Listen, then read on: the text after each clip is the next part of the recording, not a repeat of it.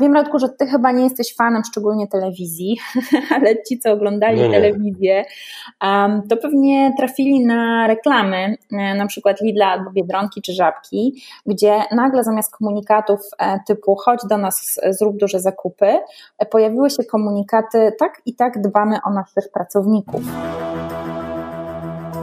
Jak odnaleźć się w finansach? Jak sprawić, by pieniądze służyły realizacji naszych celów życiowych? Na te oraz inne pytania odpowiadają goście podcastu Po ludzku o pieniądzach, którego partnerem jest Generali Investments TFISA i który mam zaszczyt prowadzić.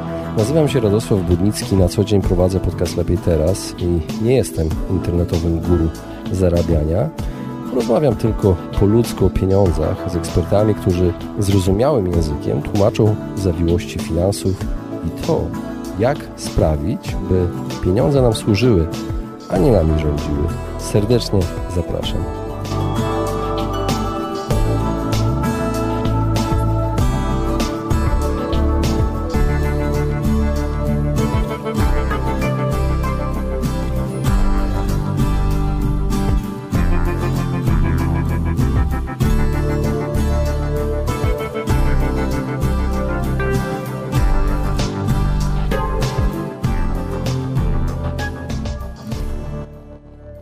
Witam Was serdecznie w kolejnym odcinku podcastu Po ludzko pieniądzach. Dzisiaj moim gościem jest Paulina Mazur, ekspert od tak zwanego employer brandingu.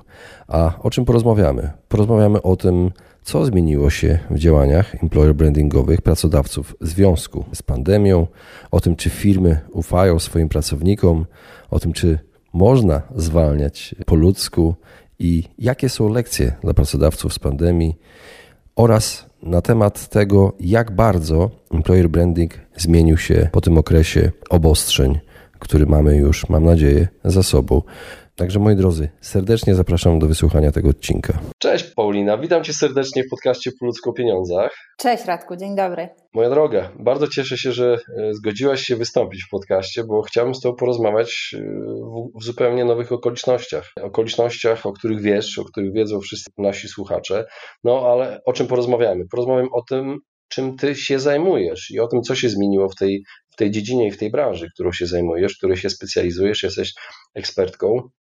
I na początek, jakbyś mogła się przedstawić tym osobom, które Ciebie jeszcze nie znają, kim jesteś i czym na co dzień zawodowo się zajmujesz? Jestem konsultantką HR i employer brandingu, a przy okazji propagatorką odpowiedzialnego employer brandingu i komunikacji pracodawców.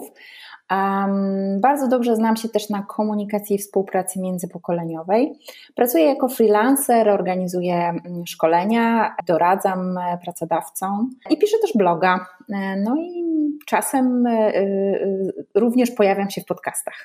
O, bloga. Pod jaką nazwą blog jest? paulinamazur.com paulinamazur.com bez PL. Paulina, wiesz co, na początek jakbyś mogła wytłumaczyć, bo Rozmawiamy po ludzku o pieniądzach i chciałbym, żeby generalnie były nasze rozmowy po ludzku. Czy jakbyś mogła wytłumaczyć, rozszyfrować ten, e, ten termin employer branding dla tych osób, które pierwszy raz zetknęły się z czymś takim? Employer branding to jest e, branding pracodawców, komunikacja pracodawców. E, zgodnie z pewnymi definicjami, takimi, które ja też bardzo, bardzo lubię, jest to świadoma, ale też i nieświadoma komunikacja, która płynie ze strony pracodawców. E, ja mam takie bardzo holistyczne podejście do tego tematu, bo dla mnie to jest ogromnie szeroki um, obszar, e, który powoduje, że w taki, a nie inny sposób postrzegamy, że jedne firmy są atrakcyjnym miejscem do pracy, a inne trochę mniej. I wszystko, co tak naprawdę pracodawca robi w kierunku kandydatów, pracowników, tych przyszłych, obecnych, ale i przeszłych, ma wpływ na ten employer brand, czyli na tą markę pracodawcy. Czyli to jest taka nasza percepcja też tego, jakim jest dana firma pracodawcą i działania, komunikacja, które ta firma podejmuje, żeby te nasze doświadczenia, relacje z tym pracodawcą były, były lepsze. E, czy to jest komunikacja pracodawcy z pracownikami przyszłymi, czy również z tymi obecnymi? Ze wszystkimi tak naprawdę, bo, bo wszystko, co pracodawcy robią, e, i robią i komunikują się, powoduje, że mamy o nich jakąś opinię, więc ta ich marka się buduje, ta marka się w naszych e, oczach w jakiś tam sposób utrwala. I to mm, bardzo ciekawe, że o to pytasz, bo to jest właśnie to, co się wydarzyło w ostatnich miesiącach w trakcie pandemii, trochę zweryfikowało i myślę, że przypomniało wszystkim employer brandingowcom, że e, dbałość o markę pracodawcy nie kończy się na zorganizowaniu targów pracy czy zrobieniu ładnego ogłoszenia rekrutacyjnego, ale tak naprawdę e, dotyczy przede wszystkim dotyczy przede wszystkim e, komunikacji na przykład wewnętrznej z pracownikami, dotyczy budowania zaangażowania, e, dotyczy też tego, w jaki sposób my się z ludźmi rozstajemy, tak? czyli jak przeprowadzamy zwolnienia. Wszystkie te elementy mają wpływ na to, jak ludzie się czują w kontakcie z marką pracodawcy, jak się czują w kontakcie z pracodawcą i jakie potem opinie pracodawcą wystawiają. Więc to jest bardzo, bardzo szeroki e, obszar. A powiedz, jak zmieniła się Twoja praca od, od właśnie od tych tego pół roku praktycznie już. Nie, to, to było marzec, tak? W marcu zaczęły się te wszystkie obostrzenia.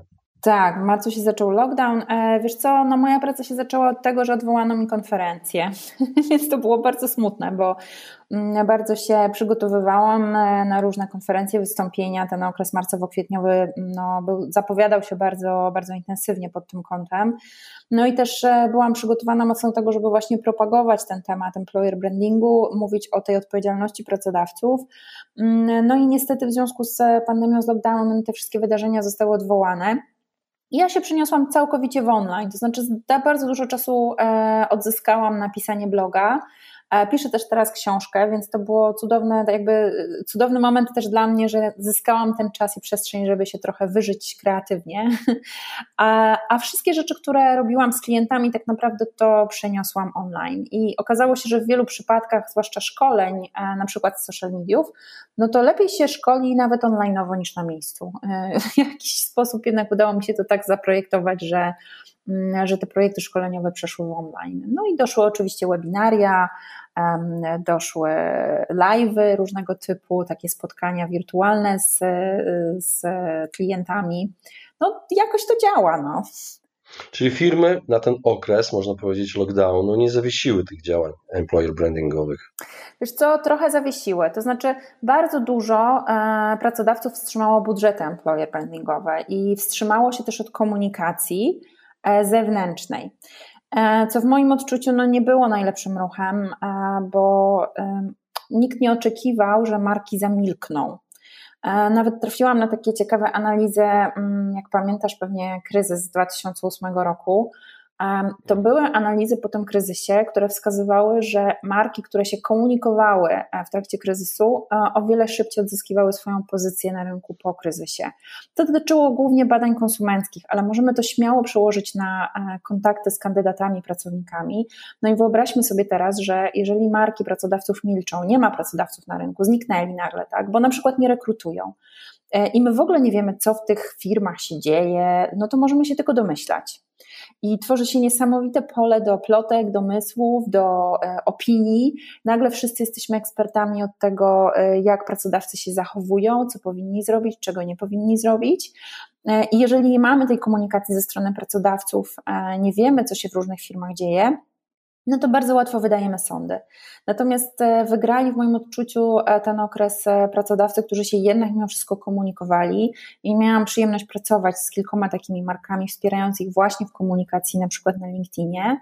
Um, dlatego, że przez to, że przenieśliśmy się w ten online, to ta komunikacja zewnętrzna też mocno się nam zdigitalizowała. I wszystkie, wiesz, targi pracy, rekrutacje, onboardingi, to wszystko się przeniosło w online. E, no i wymagało takiego trochę przedefiniowania tak naprawdę, kim jesteśmy jako pracodawca i jak się chcemy komunikować z tym naszym kandydatem, pracownikiem. Mm, też wybrania różnych nowych narzędzi e, i też takiego otwarcia się, bo bardzo wiele osób e, na początku trochę podchodziło do tego online jak do jeża. I nie chciało tak organizować live'ów albo webinarów, no bo po co, po co to pokazywać.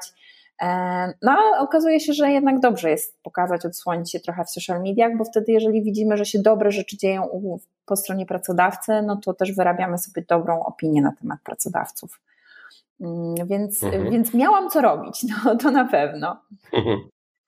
Mhm. A wiesz co, chciałem zadać pytanie konkretnie, co zmieniło się w działaniach employer brandingowych pracodawców w związku z pandemią? Czy jest jakieś, nie wiem, y, czy się promowali na przykład? Y, czy znasz jakieś przykłady konkretnych y, firm, które oczywiście możesz podać? Mhm. Jak poprawnie zadziałały, a jakie niepoprawnie według Ciebie mogły coś zrobić lepiej?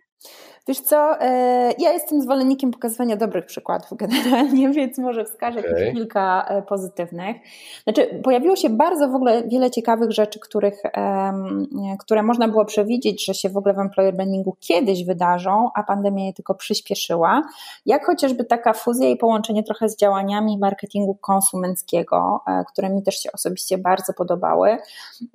Wiem, Radku, że ty chyba nie jesteś fanem szczególnie telewizji, ale ci, co oglądali no telewizję, to pewnie trafili na reklamy, e, na przykład Lidla albo Biedronki czy Żabki, gdzie nagle zamiast komunikatów e, typu chodź do nas, zrób duże zakupy, e, pojawiły się komunikaty tak i tak dbamy o naszych pracowników. Takie i takie wprowadziliśmy środki ostrożności. I nagle się te przekazy skierowane jakby do konsumenta i dla konsumenta przygotowane dla klienta, mm, e, zakotwiczyły w obszarze HR-owym de facto, no bo zaczęły pokazywać, jak firma dba o pracowników, dba o ich bezpieczeństwo. E, jakby nagle marki dostrzegły, że mogą klienci polubić firmy za to, że dobrze traktują swoich pracowników w trakcie pandemii, że zadbały o bezpieczeństwo. I to był bardzo dobry ruch ze strony tych marek, tym bardziej, że już w marcu były też raporty takie w obszarze marketingu właśnie od, od Instytutu Kantara, które wskazywały, że to, czego my jako klienci od marek oczekiwaliśmy w marcu, to jest przede wszystkim właśnie zadbanie o zdrowie i bezpieczeństwo pracowników. Czyli nas nie interesowało tak naprawdę to, czy firma, nie wiem, będzie sprzedawać e, nam coś nowego, tylko czy zadba o swoich pracowników. E, I to jest niesamowicie, uważam, dobry krok, że wreszcie, jako też klienci, zaczęliśmy zwracać na to uwagę, czy firma, od której kupujemy produkty, jest w porządku w stosunku do swoich pracowników.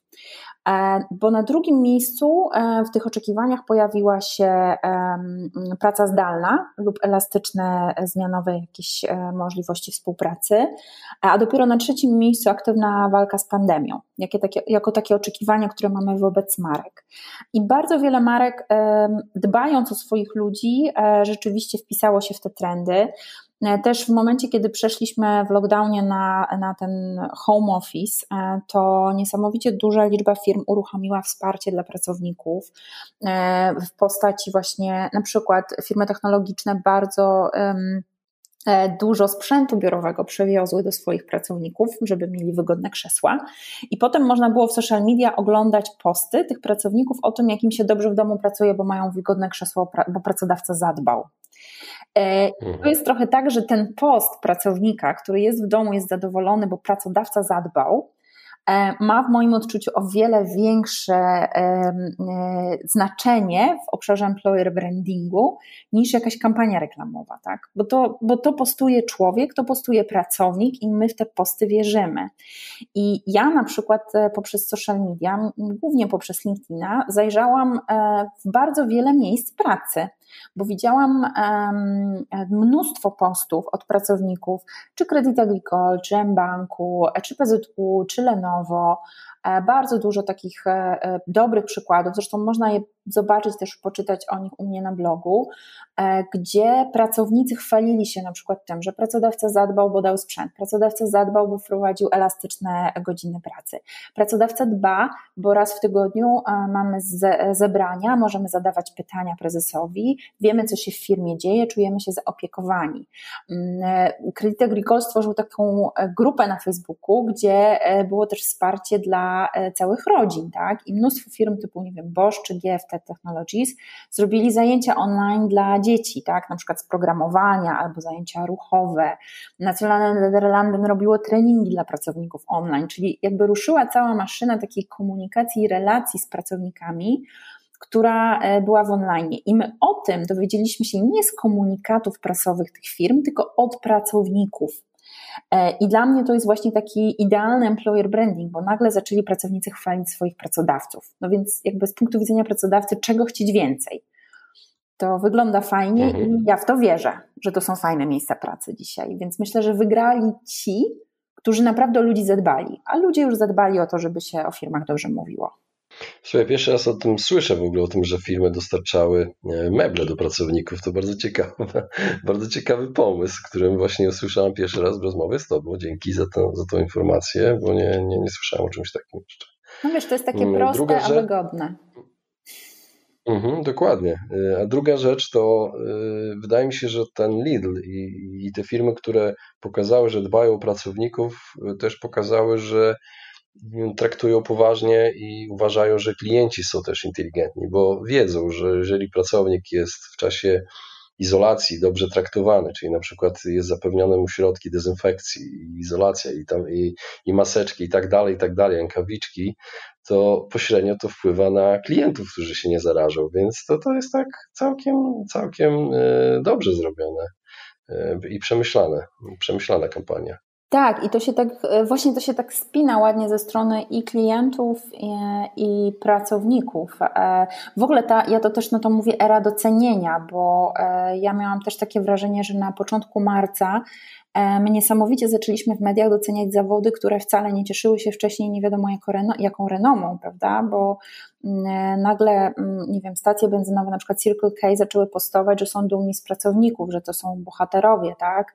Już pomijając pielęgniarki i lekarzy, którzy stali się bohaterami, no to nagle mm, sprzedawcy w sklepach, na stacjach benzynowych, czy na przykład grupa Impel miała też taką um, kampanię e, związaną z, z osobami, które sprzątają tak, i dezynfekują pomieszczenia, czy z salowymi w szpitalach.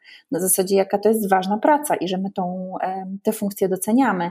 I to jest w mojej ocenie też świetny ruch, bo jeżeli mój pracodawca robi taki ruch, że docenia publicznie mój zawód i rozumie, z czym to się wiąże, to to też mi jako pracownikowi robi dobrze, tak? W sensie ja się czuję doceniony. Oczywiście to musi być spójne, bo nie może być tak, że w tym samym czasie, kiedy my zewnętrznie doceniamy, to wewnętrznie nic takiego nie ma miejsca i relacja wygląda zupełnie inaczej, tak? Natomiast jeżeli to jest tylko uzewnętrznienie tego, co się dzieje w organizacji, e, no to myślę, że to i dla klientów, i dla pracowników jest takim, e, takie nobilitujące, tak? że, że wreszcie zostaliśmy docenieni. I, I, tych przykładów jest naprawdę dużo I, I, ja mam tylko nadzieję, że one się utrzymają, tak? bo to taki jest też e, fajny trend pokazania, że, e, mm, no, że każdy zawód, każda wykonywana praca się liczy tak? E, I, i warto ją doceniać, więc to, to też bardzo, bardzo, fajny, bardzo fajna zmiana, która jest takim trochę efektem ubocznym pandemii. No zgadzam się z Tobą. Sam spotkałem się z, taką, z taką profes- takim profesjonalnym i odważnym zachowaniem pracownic, panie sprzedawczynie w Pesy z Połem w sklepie w Białymstoku, takie starsze panie, widać, że pod, e, pod emeryturę już e, podchodzące, które pracują i odważnie w czasie tego szczytu pandemii, kiedy naprawdę nie można było nigdzie wychodzić, one trwały na tych posterunkach, uśmiechały się, były bardzo miłe, uspokajały wszystkich kolejce. Aż ja zwróciłem uwagę, że bardzo cieszę się, że pani pracuje, podziwiam panią za pani pracę, to ona zaczęła ze mną rozmawiać, Mówi, pan sobie nie wyobraża, jak ludzie są sfrustrowani, ja ich uspokajam.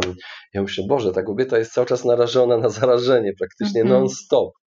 I, i to, to, coś niesamowitego, e, jak, jak, jak odważnie jak, jakie, jakie miłe są te panie w tych takich, e, takich zwykłych, wydaje się, na pierwszy rzut oka stanowiskach pracy. Tak. Y no właśnie, na pewno ty też się spotkałaś z takimi, na przykład kurierzy, którzy dostarczają czy pizzę, czy zakupy. Dla mnie to też byli bohaterowie. Też rozmawiałem z nimi, że, że naprawdę podziwiam ich w takim okresie, kiedy naprawdę była taka, taka psychoza przez jakiś czas. Tak, i to, no ale, ale musisz, musisz przyznać, że to jest piękne, znaczy jakby w tej całej tragedii piękne jest to, że my zaczęliśmy zauważać właśnie te osoby. E, I myślę, że to mhm. też jest taka... Um, w employer brandingu, w świecie employer brandingu, tu wspomnę taką, taką historię. Mamy takie mm, bardzo sławne wideo, które kiedyś wyprodukowała firma Adar. To jest firma spedycyjna. E, I to jest takie, to, to, to, to, można na YouTubie obejrzeć, to są takie wideo, najtrudniejsza branża świata, e, które prezentują pracę kierowców, tirów. I one są bardzo mocno nakierowane na to, żeby właśnie pokazać, że to jest trudna praca. I to już było parę lat temu. I to był chyba jedyny tak naprawdę przykład, który je, my też w, jakby w branży employer brandingowych, my się strasznie z niego wszyscy cieszyliśmy jako eksperci, że oto nadszedł moment, kiedy pracodawca docenia e, i pokazuje publicznie, że wie, jak trudny jest zawód kierowcy tira, tak? E, tylko dlaczego to jest tylko jeden przykład? A teraz mam wrażenie, że po tych ostatnich miesiącach tych przykładów będziemy mieć więcej, Mm, I to naprawdę też, e, akurat w przypadku Adaru z kierowcami to było tak, że to im bardzo zwiększyło liczbę aplikujących. E, po prostu osoby z poziomu kierowców, jeżeli widziały reklamę, w której pracodawca wie, jak trudna to jest praca, czuły, że ok, tu pracodawca mnie będzie rozumiał, tak? Będzie mnie rozumiał, będzie mnie doceniał, będzie mnie wspierał w, tej, w tym trudnym zawodzie. Tu chcę aplikować. I myślę, że chociażby te branże, że tak powiem, te, te wszystkie dyskonty, czy te sklepy, czy te stacje benzynowe, one mają niesamowitą okazję w tej chwili, żeby jeszcze trochę rozruszać te swoje kampanie i pójść w kierunku tego docenienia, pokazania tej pracy, bo to też będzie zachęcające dla potencjalnych przyszłych pracowników. Więc to, to, są, to są takie ciekawe zmiany, tak.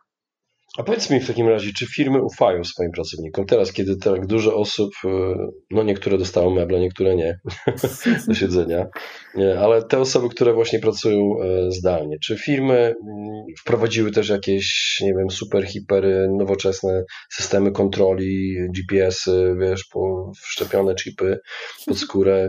Wiesz o czym mówię? Tak, czy firmy ufają wiem. generalnie? Niestety wiem o Trochę czym przesadziłem, ale wiesz nie. o co mi chodzi. Ja wiem o co ci chodzi wcale nie przesadziłeś, muszę cię zmartwić. nie przerażę. E, naprawdę e, ostatnio właśnie dostałam zapytanie od jednego dziennikarza o komentarz do tematu, jak e, pracodawcy kontrolują swoich pracowników, jakie są narzędzia.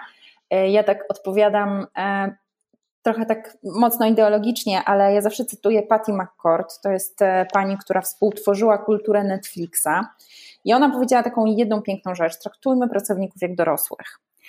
E, I ja jestem, to jest bardzo bliska mi filozofia. Mm, ja zawsze jak e, dostaję te pytania o kontrolę pracowników, no to się mocno najeżam, no bo e, ja rozumiem, że na pewnych stanowiskach i przy pewnych zawodach, no to trzeba wprowadzić ewidencję czasu pracy, jakieś dzienniczki, jakieś metody, że tak powiem, kontroli.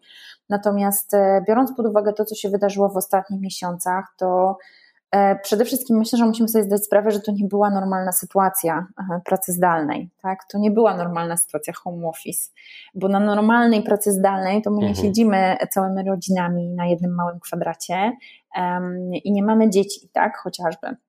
E, i nie mamy strachu o to, że jest pandemia na zewnątrz. Mhm. E, więc jeszcze dokładanie pracownikom, teraz będziemy Was tutaj kontrolować, to jest dodatkowy e, czynnik stresogenny dla nich, który tak naprawdę będzie prowadził do obniżenia motywacji zaangażowania. I pracodawców możemy podzielić, myślę, na właśnie takie kategorie. To nawet nie pracodawców, wiesz, tylko menedżerów bardziej i osoby zarządzające. Na tych, którzy mają już jakieś doświadczenie albo mają zbudowaną kulturę opartą o zaufanie, i e, przed pandemią działało to tak, że pracownicy robili swoją pracę, bo ją lubili, nie wiem, mieli cel, zespół był zaangażowany, i przechodząc na home office, mówią po prostu biznes jak zwykle, tylko po prostu teraz robimy w online i wszystko jest normalnie.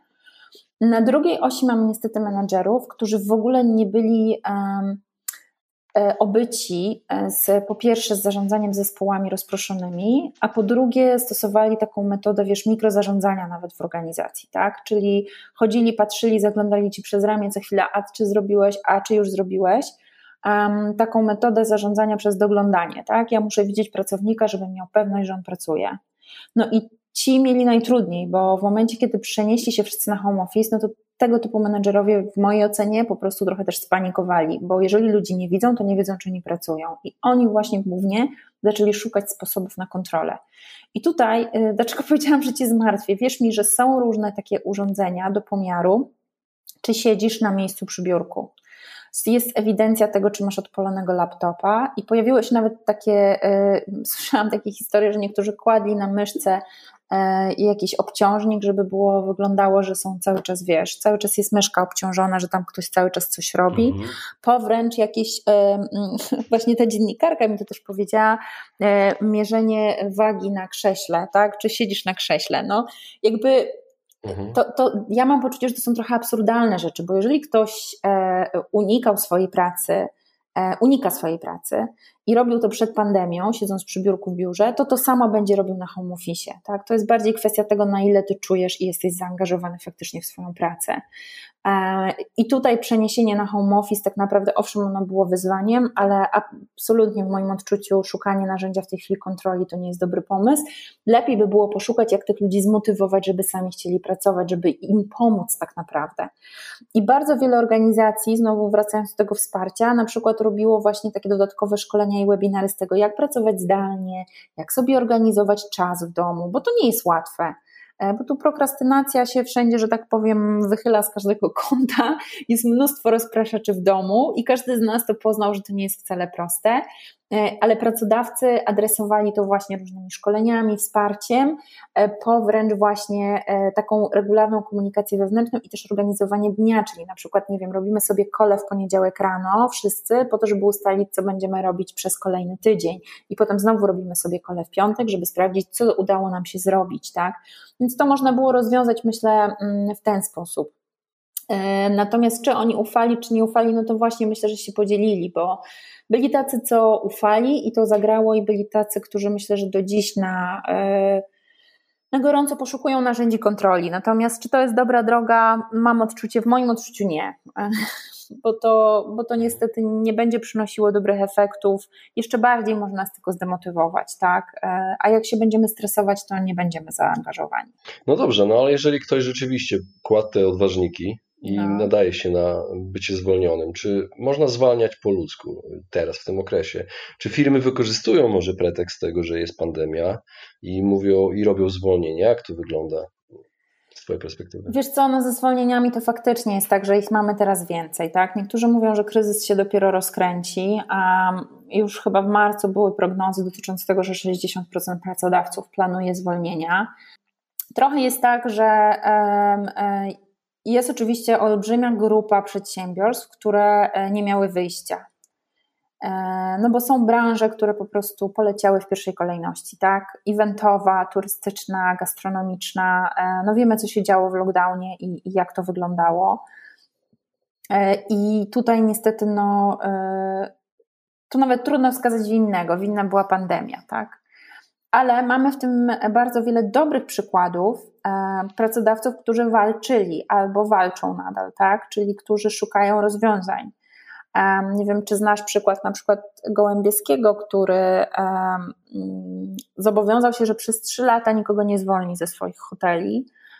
Wziął pożyczkę pod swoją hipotekę i jakby powiedział, że nie ma mowy, no przez trzy lata nikogo nie zwolni, tak? E, prezesi LPP czy Aviluxa od razu mówili, że obniżają sobie swoje wynagrodzenia do złotówki, żeby się dołożyć do budżetu. I owszem, być może to nie jest nie wiadomo, jakie nagle wiesz, duże działania antykryzysowe, ale to jest taki gest, który pokazuje pewną solidarność. I takich przykładów e, dobrych, walczących o ludzi było sporo. E, też e, ja bardzo do tego zachęcam cały czas, że jeżeli e, masz problem w swoim biznesie, nie wiesz co zrobić w swojej organizacji, to też zapytaj ludzi, może oni mają jakieś pomysły, bo okazuje się, że bardzo dużo przedsiębiorców, nie wiem, zakłady szyjące firanki przestawiły się na produkcję maseczek, zakłady produkujące części do samochodów na produkcję części do respiratorów, tak? Cała masa pojawiła się alternatywnych rozwiązań, które można było w biznesie zastosować, ale trzeba było to zrobić rzeczywiście szybko. E, druga kategoria to są rzeczywiście pracodawcy, którzy trochę użyli tej okazji koronawirusa do zrobienia pewnych czystek, e, bo słyszałam też o wielu takich przypadkach, gdzie rozstawano się z ludźmi, którzy i tak już byli na tak zwanym warunkowym, tak? W sensie jakby no, mieli, nie wiem, siódmą, ósmą szansę, e, no a koronawirus był taką decyzją, dobra, to już robimy, już się żegnamy, bo już nie ma co tego przedłużać. Jest też pewna kategoria e, pracodawców i firm, które muszą wymienić kadrę i to się nadal dzieje, bo z tego względu, że jeżeli zmieniamy model biznesowy, model działania, i tu nie mówię tylko o tym, że nagle przechodzimy w e-commerce, ale, ale też jakby w innych obszarach biznesowych są różne inne mm, działania, które nagle nie wiem, wymagają od nas digitalizacji, tak? Wcześniej mieliśmy przedstawicieli handlowych, którzy jeździli od domu do domu, a teraz potrzebujemy mieć przedstawicieli handlowych, którzy są biegli w social sellingu na LinkedInie czy na Facebooku, prawda? I może się okazać, że ludzie, których mamy na pokładzie, nie dają sobie rady z, tą, e, z tym przejściem mm, w ten świat wirtualny, więc wtedy musimy poszukać na rynku osób, które nam pomogą ten biznes nasz e, poprowadzić w tym nowym kierunku i, i w, tą, w kierunku tej nowej zmiany. Więc też bardzo dużo jest takich zmian w przedsiębiorstwach, gdzie po prostu tą kadrę się wymienia po to, żeby ten biznes dalej mógł trwać. No i kolejne kategorie to są ci tak zwani dobrze zwalniający, też na to szczególnie zwracam uwagę, bo wyobraź sobie, że w zwalnianiu też są dobre praktyki i można zwalniać właśnie po ludzku. E, można wspierać, można komunikować, e, można udzielać dodatkowego wsparcia pracownikom zwalnianym. Cała, jest bardzo dużo też inicjatyw powstało, e, takich wspierających dla pracodawców, instruujących ich, jak sobie z tym poradzić, z procesami zwolnień, jak ważna jest komunikacja, jak ważne jest wspieranie ludzi, e, przygotowanie ich do przekwalifikowania się, albo nawet takie proste gesty typu danie im rekomendacji, czy przygotowanie, pomoc w przygotowaniu CV i symulacja rozmowy rekrutacyjnej, coś, co możemy załatwić swoim działem HR bez dodatkowych budżetów.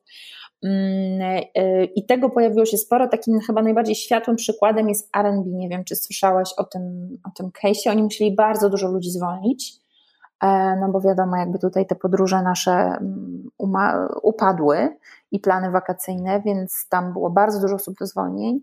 I tam e, oni postawili w ogóle stronę internetową, gdzie prezentują sylwetki tych osób, które są wypuszczane z organizacji, mają rekomendacje, mają wsparcie właśnie w przygotowaniu CV, e, dostali dodatkowe dni wolne, sam, e, sam jakby zarząd i właściciele angażują się w to, żeby tym ludziom pomagać w znalezieniu nowego miejsca.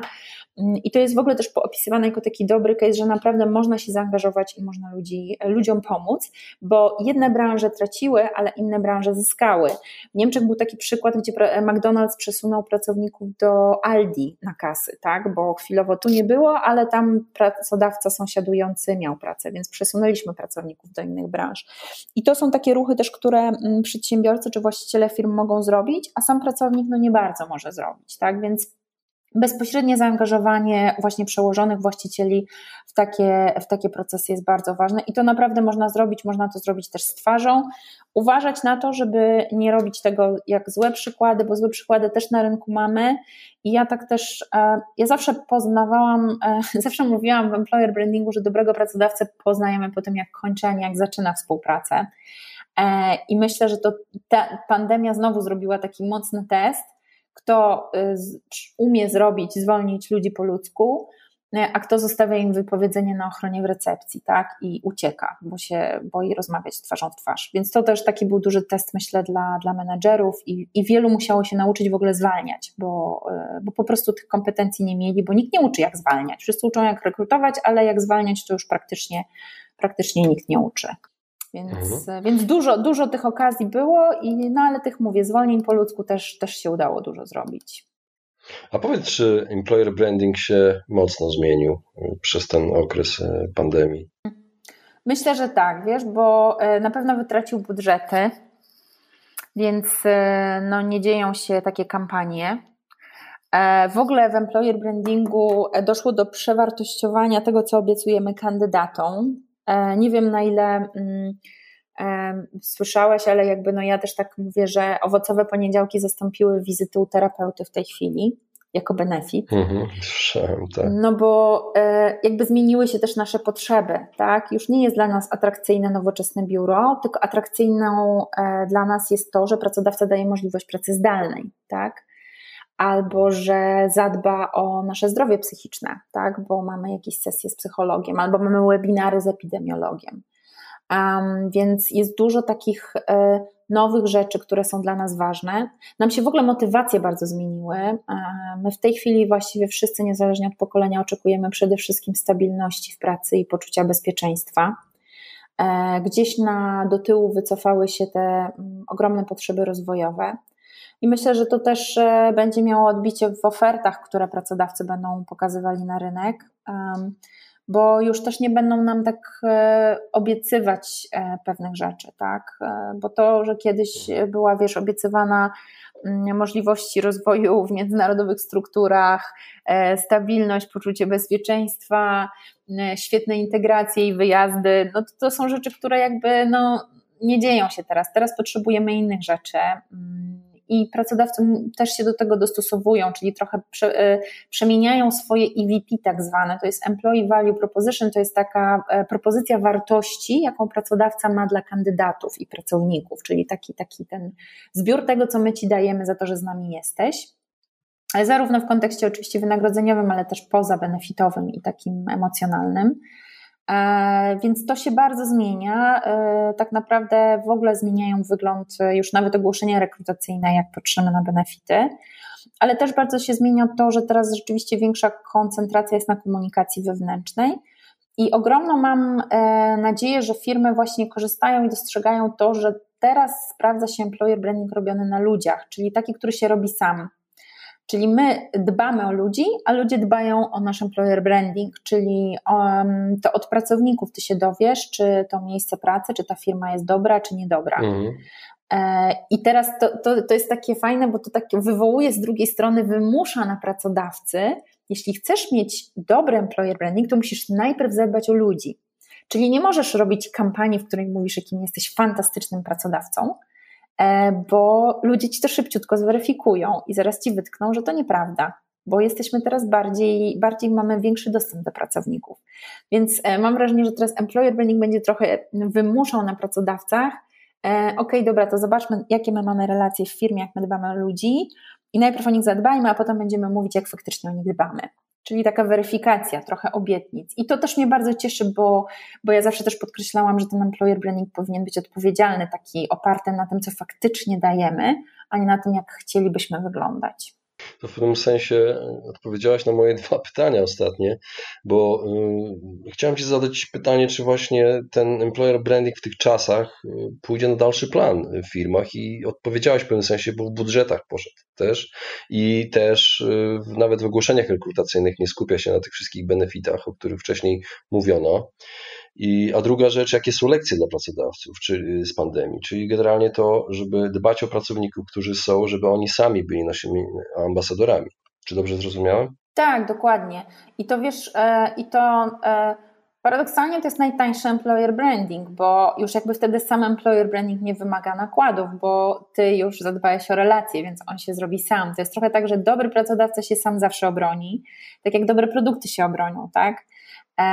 Jeżeli nie będzie, e, jeżeli wszystko będzie grało w organizacji, będą dobre relacje, no to nie będzie, nie będzie problemu wtedy e, też z marką pracodawcy. Mm, I to dla pracodawców jest chyba jedna z takich większych lekcji, że e, zweryfikowała mocno pandemia to, jak oni faktycznie mają te relacje i jak mają duże zaangażowanie ze strony pracowników, tak? Bo nam się mogło wydawać, że my mamy bardzo zaangażowany, fajny, mocny zespół, a przy przejściu na home office okazało się, że jednak nie jesteśmy się w stanie skomunikować. Więc to też jest taka nauczka i weryfikacja trochę tego, co sobie deklarujemy. No i więc to są takie, takie przyspieszenia, powiedziałabym, czy ten employer branding zyska po pandemii, czy nie ja, w mojej opinii zyska, no ale ja jestem ekspertem do spraw employer brandingu, więc oczywiście dla mnie wszystko jest employer brandingiem i w ogóle employer branding jest najważniejszy. Wszystko się zaczyna i kończy na employer brandingu. E, ale, ale wiesz, prawda jest taka, że e, no, employer branding w mojej ocenie jest o ludziach. Jest o tym, jakie budujemy relacje z ludźmi e, i jakie ludzie mają z nami doświadczenia jako z pracodawcami. A to jest według mnie niekończąca się historia. To zawsze będzie ważne. A dzisiaj będzie jeszcze ważniejsze i po pandemii ważniejsze, dlatego że jeżeli mamy sytuację kryzysową w firmie e, i na przykład, o daleko nie musimy sięgać, musimy skorzystać z tarczy antykryzysowej, tak? czyli musimy ludziom obniżyć wynagrodzenia, oni muszą się na to zgodzić. To oni się zgodzą na to wtedy, kiedy będą naprawdę lubili swoje miejsce pracy i będą tam nie tylko dlatego, że co miesiąc dostają wypłatę, tylko będą e, bazowali na relacjach, na doświadczeniach, będą e, czuli, że przynależą do zespołu, będą czuli, e, zgadzali się z celem, będą podzielali wartości pracodawcy. Jeżeli to będzie grało i ta praca będzie dla nas ważna, to my się zgodzimy ponieść pewne, że tak powiem, straty teraz, ale po to, żeby poradzić sobie jako zespół, żeby później móc z tego wyjść obronną ręką. Więc ci ludzie zawsze będą najważniejsi. E, I, I, to według mnie pandemia e, bardzo mocno e, udowodniła, i dlatego employer branding według mnie będzie jeszcze lepszy i ważniejszy. Employer branding jest o ludziach. Bardzo mi się spodobało to zdanie, i na tym zdaniu możemy zakończyć naszą rozmowę. Bardzo Ci dziękuję, Paulina. Wszystkich słuchaczy zapraszam na stronę paulinamazu.com po więcej informacji na temat employer brandingu. Dziękuję bardzo, Radku. Dziękuję wszystkim i pozdrawiam serdecznie.